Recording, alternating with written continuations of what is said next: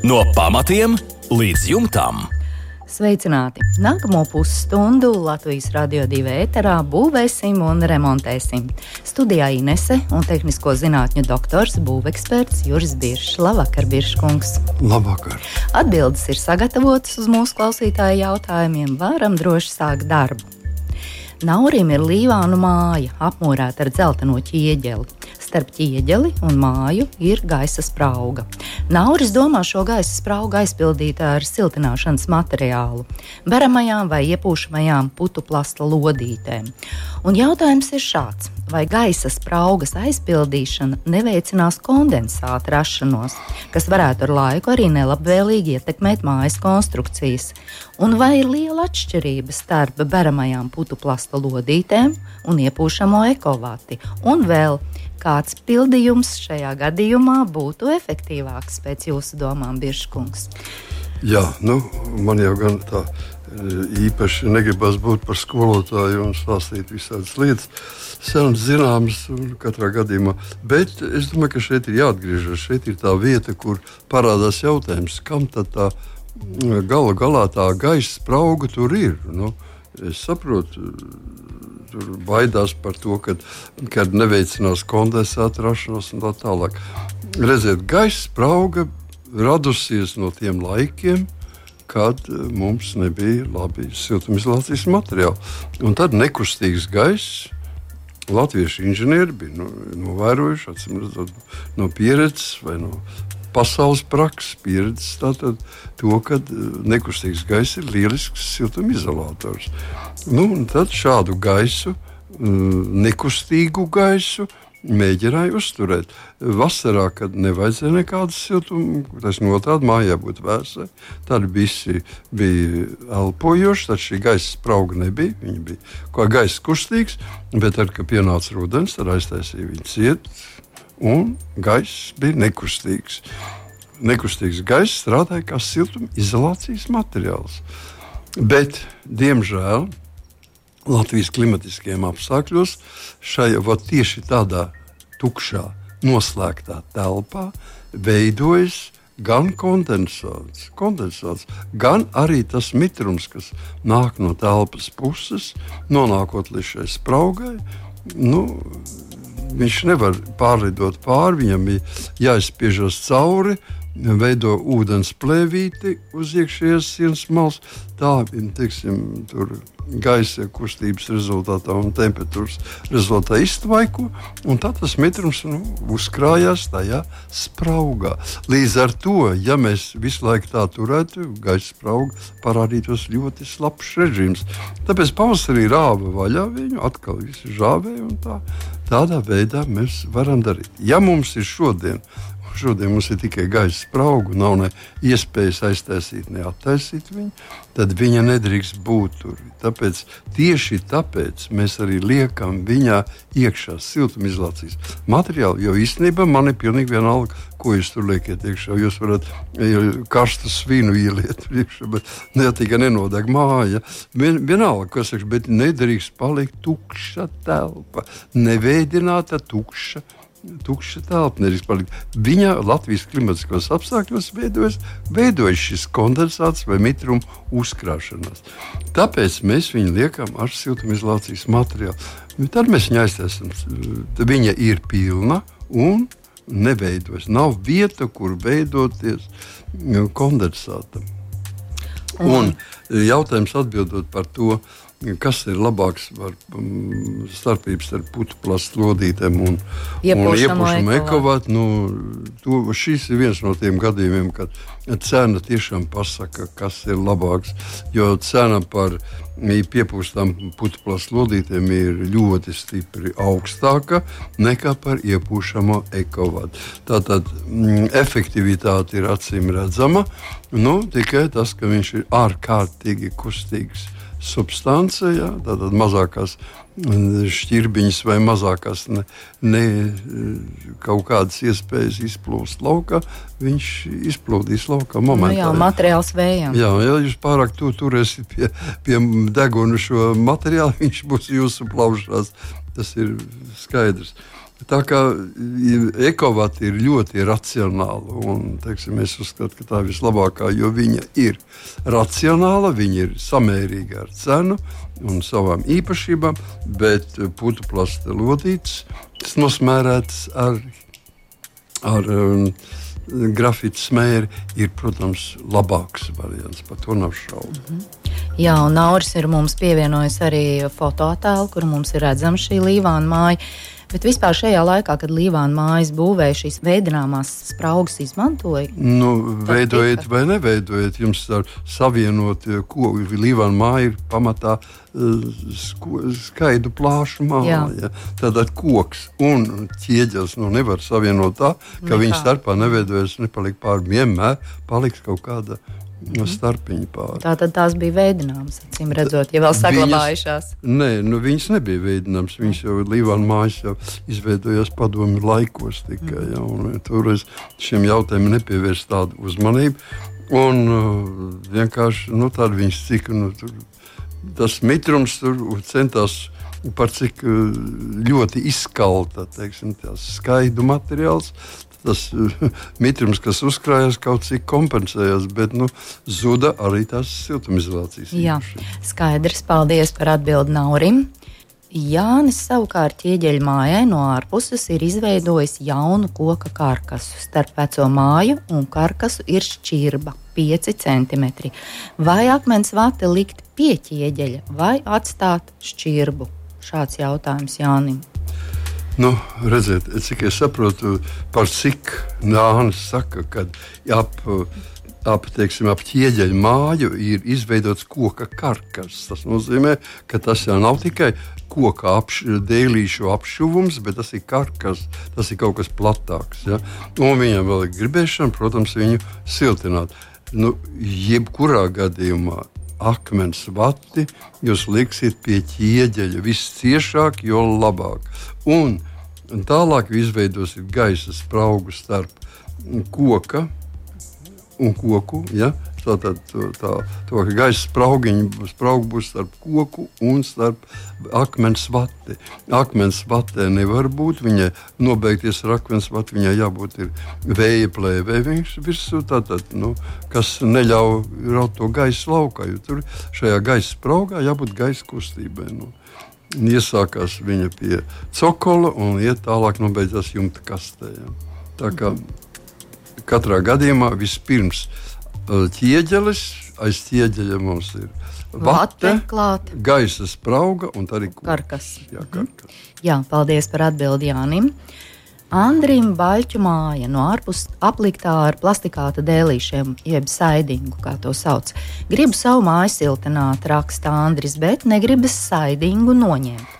Tāpēc domāju siltināt sienas no iekšpuses. Šobrīd sienas ir apliktas ar rīģipsi, cieši pie baļķiem, bez vates starpām. Un jautājums ir šāds: ja no iekšpuses pieliktu vēl vienu rīģipsi, atstājot dažus centimetrus gaisa spraugu starp esošo un jauno, rases punkts var pārbīdīties guļbaļķu iekšienē un sākt pūdēt baļķus.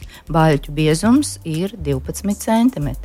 Kā būt Andrim? Ko darīt? Jā, nu, tā, tas pilnīgi saskanīgs ir Jā. jautājums ar iepriekšējiem Jā. diviem. Tāpēc arī iepriekšējos tos eh, divos neminēju šo lietu. Tātad atklāsim to lielo noslēpumu. Tātad, lai rastos Rases punkts ir temperatūra. Rases punkta temperatūra, cienījamie klausītāji, atcerieties, nav nekādas rases punkta, kas būtu slapjš vai savs. Rases punkta temperatūra.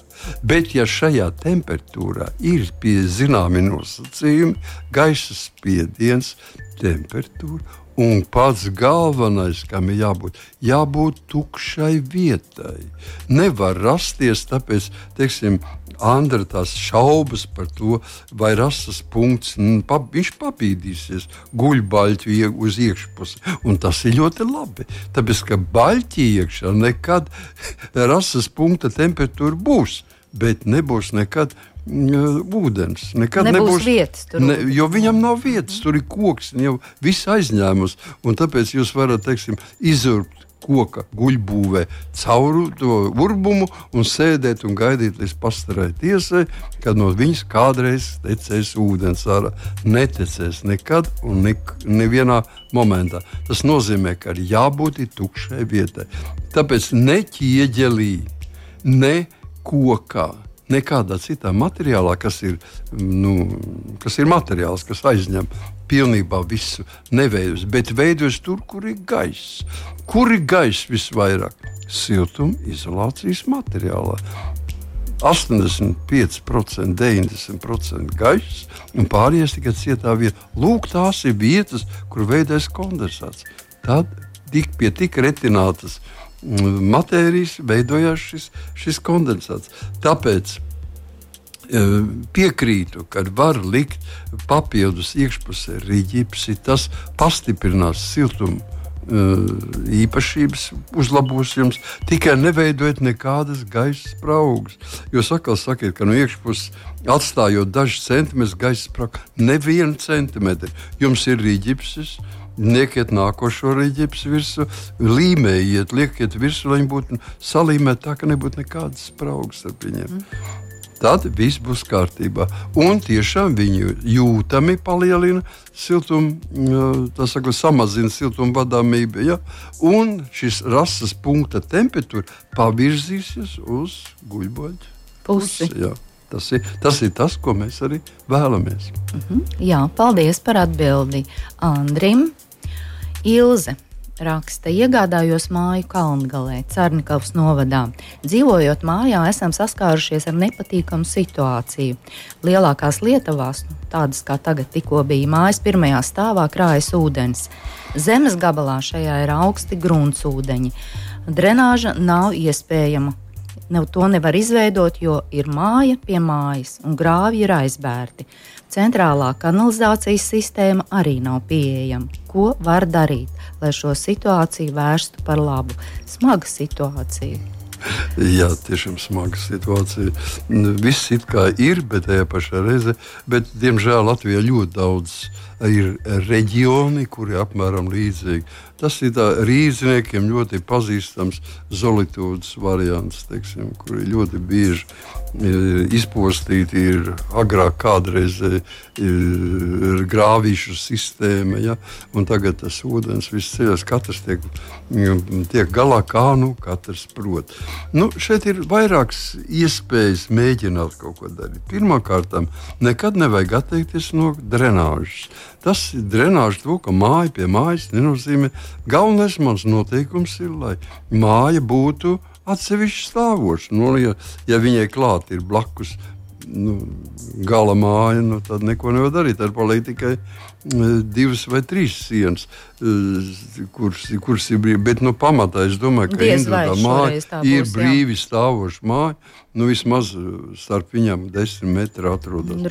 Tas nozīmē, ka mēs varam izveidot telpisku ģeomembrānu aplikt riņķī visiem pamatiem ar pumpiņām pret, pret sienu un, un apakšā aplikt vēl riņķi mm, šos. Nu, šos plasmasas drenāžu caurumus. Ja. -hmm. Simtnieks, liekam, simtnieks ar caurumiņiem, ar pusapaļiem caurumiem. Tas nekas, ka nav kur novadīt. Ūdens uzkrāsies arī tur.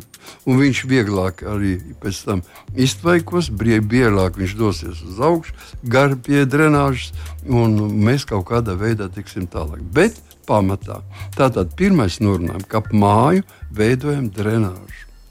Las, tas nekas, ka nav kur novadīt, bet viņi ir izveidoti. Tas palīdzēs pirmkārt ātrāk tikt vaļā no mitruma. No mitruma. Tālāk atstāv, ap, nu, teiksim, apkārt ap māju. Nu, vēl tālāk aiz tās drenāžas, nu, teiksim, metru, divi metri, trīs metri. Nu, apmēram šajā reģionā tā kā vajadzētu būt vēl brīvam. Ja? Nu, citas mājas nav. Pēc likuma četri metri starp māju un māju. tā kā vismaz astoņiem metriem jābūt. Tāds varētu starpā, būt. Jā. Jā. Tā tam vajadzētu būt. Un tādā, ko mēs tur darām? Mēs aprokam riņķi visai mājai, vai daļēji aprokam riņķi, izveidojam tranšēju.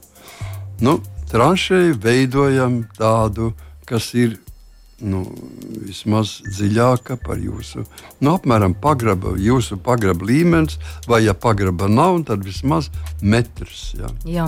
Metrs dziļumā veidojam tādu tranšēju. Tranšējas platums apmēram kādi, nu, kādi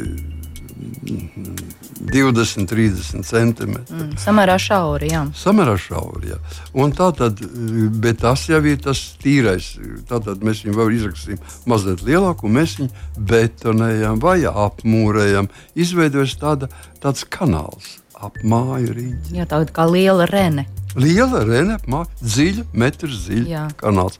Un viņā ir viens, parasti tikai viens padziļinājums, kurā satiek šis ūdens, un kur ir ielikts pludiņš, un kur ir sūknis.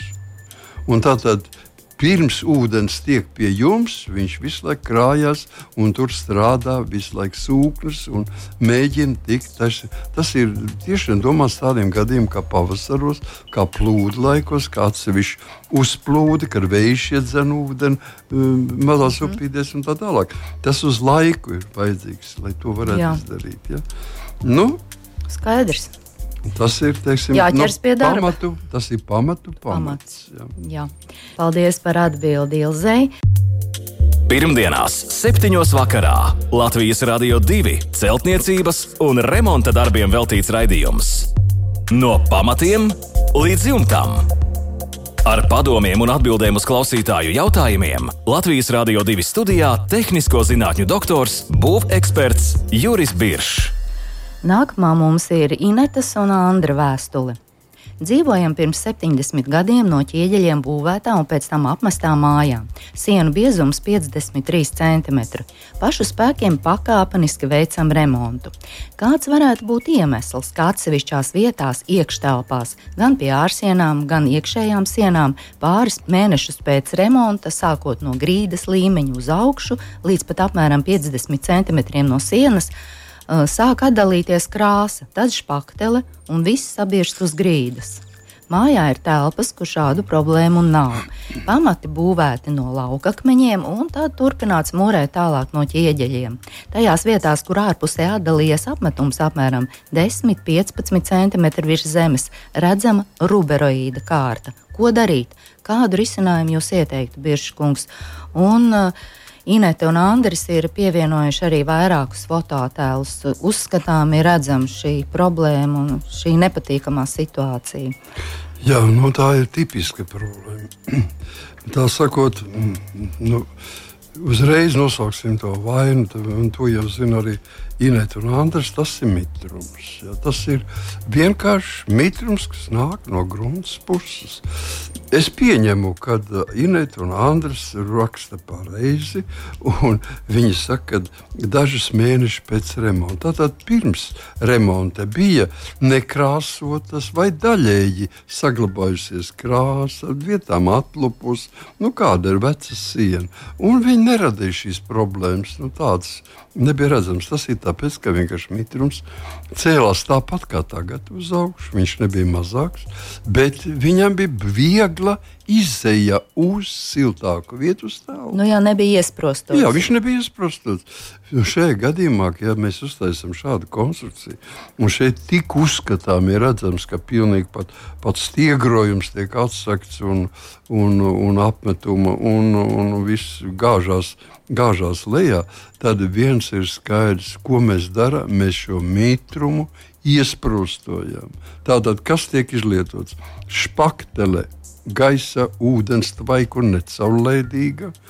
Tālāk, apmet, ja kaut kāds apmetums tur vēl ir bijis, tad tas ir arī ar mazu gaisa un ūdens caurlaidību, tvaika caurlaidību. Krāsa ir absolūti gaisa un caur, nelaidīga, necaurlaidīga. Kaut kas tips, mm, tips nu, teiksim, kā eļļas krāsa, piemēram. Nu, tas neko nelaiž cauri. Lūk, tas arī jūsu nelaime ir. Vairāk nekas cits tur nav. Tātad, ko es ieteiktu jums darīt? Šeit ir jāpieiet divējādi. Šis pirmais gājiens. Tātad jūs vienkārši, nu, jums diemžēl no tā krāsa vismaz no, teiksim, 1,20 m augstumā no zemes jums ir jāplēš nost, augstāk tā krāsa var palikt, taisēt kaut kādu, kaut kādu pāreju vai kādu dzegiņu, smukuma pēc, jo viņi tur paliks. Viņi tur nav, nav nekas slikts. Bet apmēram 1,20 m uz augšu no apakšas jums ir viss krāsa jādabū nost. Viss, kas nāk nost, ja zāģis paktele vai apmetums, tad arī tas nost. Un Tālāk jums jāiegādājas ir būvmateriāli, gan spakteles, gan apmetumi, gan krāsa, kas ir ļoti labi elpojoši. Nu, pēdiņās mēs sakām, nekas jau neelpo tā kā cilvēks, bet viņi vienkārši laiž labi caur ūdens, tvaikus, gaisu, gāzes un tā tālāk. Ja. Caurlaidība. Caurlaidība, ja. Un tas parasti tiek, tiek uh, mērīts, nu, nelaime tā, ka viņi mēr dažādās valstīs ar dažādiem cipariem. Tā saucamais SD, SD lielumiņš. Un viņam jābūt ir, nu, attiecīgi maziņām, pēc iespējas mazākam jābūt. Ja mēs teiksim, kaut kur izvēlamies kaut kādas krāsas, tad izvēlamies krāsas, kas ir ļoti, ļoti caurlaidīgas. Gaisa un ūdens vajag caurlaidīgas. Tādas ir cementa krāsas, tādas ir ūdens bāzes, tā saucamās ūdens dispersija krāsas tādas ir silikāta krāsas, ja, ar kurām mēs varam droši likt, jo viņas elpo. Nekādā gadījumā ne akrila krāsas, ne teiksim, citas plastika, dažādu nu, plasmas saturošas krāsojums. Tas ir viens, ar ko mēs varētu tikt visvienkāršākā veidā vaļā. Ja tomēr es kļūdos, jo šeit iespēja ir arī vēl otrs, gan kaut gan tas, ka tādās telpās ka ir telpas, kurās nav tas jums. Jā, tas norāda, jā, tas norāda to, ka tomēr ir tas, tas ir ūdens un tas ir mitrums, kas ir palielināts tajās zonās, kur atrodas telpas, kur, kur krīt nošķirts jautājums. Ja gadījumā tomēr nepalīdz jums uzkrāsot, un viņš tik un tā nāk laukā. Tad neko mēs nevaram darīt. Mums jāveic tā saucamie in, nu, sienu pamatnes injekcijas, ja? injekcijas. Tas nozīmē, ka mēs pa perimetru katra visu šo sienu, kur notiek šī krāsas atlobīšanos, mēs tajā noņemam nost grīdas līstes un savienojam vietās siena un grīda. Mēs ur, veidojam urbumu, kas ir divas trešdaļas no sieniņas biezuma, kas nu tur ir. Vai nu tur ir skurstenis, tad tas ir neizbrūbiet cauri līdz, līdz, līdz ugunai, ja, līdz dūmiem. Bet divas trešdaļas tikai. Ja. Un tā tad ik pat 15 centimetriem mēs veidojam šādus urbumus, slīpus uz leju, apmēram 30 grādu slīpumā. Un 10 centimetrus uz augšu sienā to pašu šahveidu nobīdīts. Un piepildām šos, šos urbumus. Pēc viņu iz, sakot, iztīrīšanas, mēs mehāniski iztīrīšanas, mēs viņus piepildām ar nu, nu, teiksim, speciāliem injekciju šķidrumiem. Nu, diemžēl es jums nevaru nosaukt precīzi. Jā, precīzi precīzi mēs nedrīkstam. Mēs to nedrīkstam jā. darīt. Es nosauktu pēc šabām racionālākos un lētākos, bet, bet tiešām tie ir injekcijas šķidri. Mēs viņus pildām ar viņiem, taisam ciet. Un Tātad pēc apmēram 3-4 mēnešiem jums ir izveidojies pilnībā ūdens necaurlaidīgs slānis, kurš tad nu, neļaus tam mitrumam celties uz augšu. Tas ir otrs paņēmiens, kas ir domāts tad, ja pirmais nepalīdz. Nu, cerēsim, ka pirmais palīdz. Nu, cerēsim, ka tas tā ir. Jā, jā paldies par atbildi. No pamatiem līdz jumtam. Andris raksta, ka grodākai starp grodiem sūcas ūdens, ar ko var aizpildīt spraugas starp grodiem. Un vēl jākānāk plūstošās smiltis, vai ar kaut ko tās var apturēt šādi jautājumi. Nu, vispirms varbūt atbildēsim uz to otru Jā. jautājumu. Ja ir plūstošās smiltis, tad jūs neko tur daudz darīt nevariet.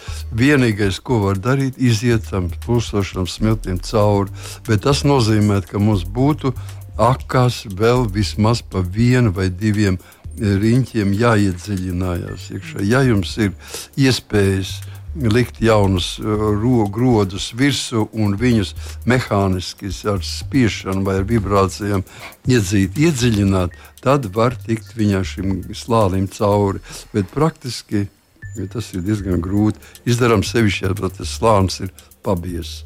Kas attiecas uz, uh, uz, uz, uz to, ka starp grodiem mm, savienojuma vietā sūdzas ūdens, šis jautājums ir ļoti bieži uzdots, un vienmēr esam uz viņu atbildējis vienādi. Tātad mēs nolaižamies akā, nu tas, mēs neatraksim aku dziļi līdz tiem savienojuma vietām, bet nolaižamies akās.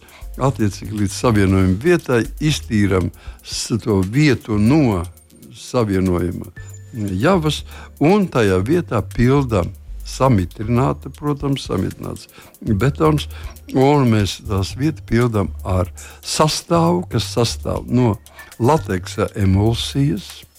Tātad sintētiskā lateksa emulsija viena tilpuma daļa un parasts portlands cements. Parasti vienkārši cements, jebkuras markas pusotras tilpuma daļas. Vai ja mēs gribam nodarboties ar svēršanu, tad viens pret divi, viena masas daļa mm, sintētiskās lateksa emulsija un, un divas masas daļas porcelāna cementa. Šādu sastāvu sajauc kopā. Viņš veido zobu pastas konsistenci. Viens ir balts, otrs ir pelēks, saliekot kopā, veidojas zilgans zaļš. Tas nekas, tas viss nozīmē, ka viss ir pareizi. Un mēs viņu pildām ar šo, ar šo sastāvu. Tātad jums jāsaprot, ka viss tas jādara ļoti ātri, jo šis sastāvs dzīves laiks viņam ir apmēram 30 minūtes. Tas jāizdara 30 minūtes, tātad nevis daudz, bet bļodiņu, ko jūs varat izstrādāt. Nu jā, nelielu tilpumu. Jā. Jā. Tas arī viņš pēc pusstundas būs ciet, un tā ir hidroizolācija. Tas ir glābiņš tam, lai ūdens nestrauktos vairāk. Mm -hmm. Nu jā, un plūstošām smiltīm stipri nu, sarežģītāk. Plūstošām smiltīm ir diezgan sarežģīti. Jā, paldies par atbildi Andrim. Līdz ar to šovakar raidījums tuvojas izskaņai. Un, lai tiktos pēc nedēļas, jums noteikti noderēs mūsu e-pasta adrese remonds at lr2.lv. Sūtiet savus jautājumus būvekspertam un pievienojiet arī fotoattēlus. Un noteikti tuvāko raidījumu laikā būs arī atbilde. Jautājums varat iesūtīt arī caur mūsu Latvijas Radio 2 mājaslapu, un esam arī populārākajās raidierakstu straumēšanas vietnēs. Šovakar visiem paldies par kopā būšanu, lai mierīgs un jauks vakars, un tiekamies pēc nedēļas. Visu labu! Pirmdienās, 7. vakarā Latvijas Rādio 2 celtniecības un remonta darbiem veltīts raidījums. No pamatiem līdz jumtam. Ar padomiem un atbildēm uz klausītāju jautājumiem Latvijas Rādio 2 studijā - tehnisko zinātņu doktors, būveksperts Juris Biršs.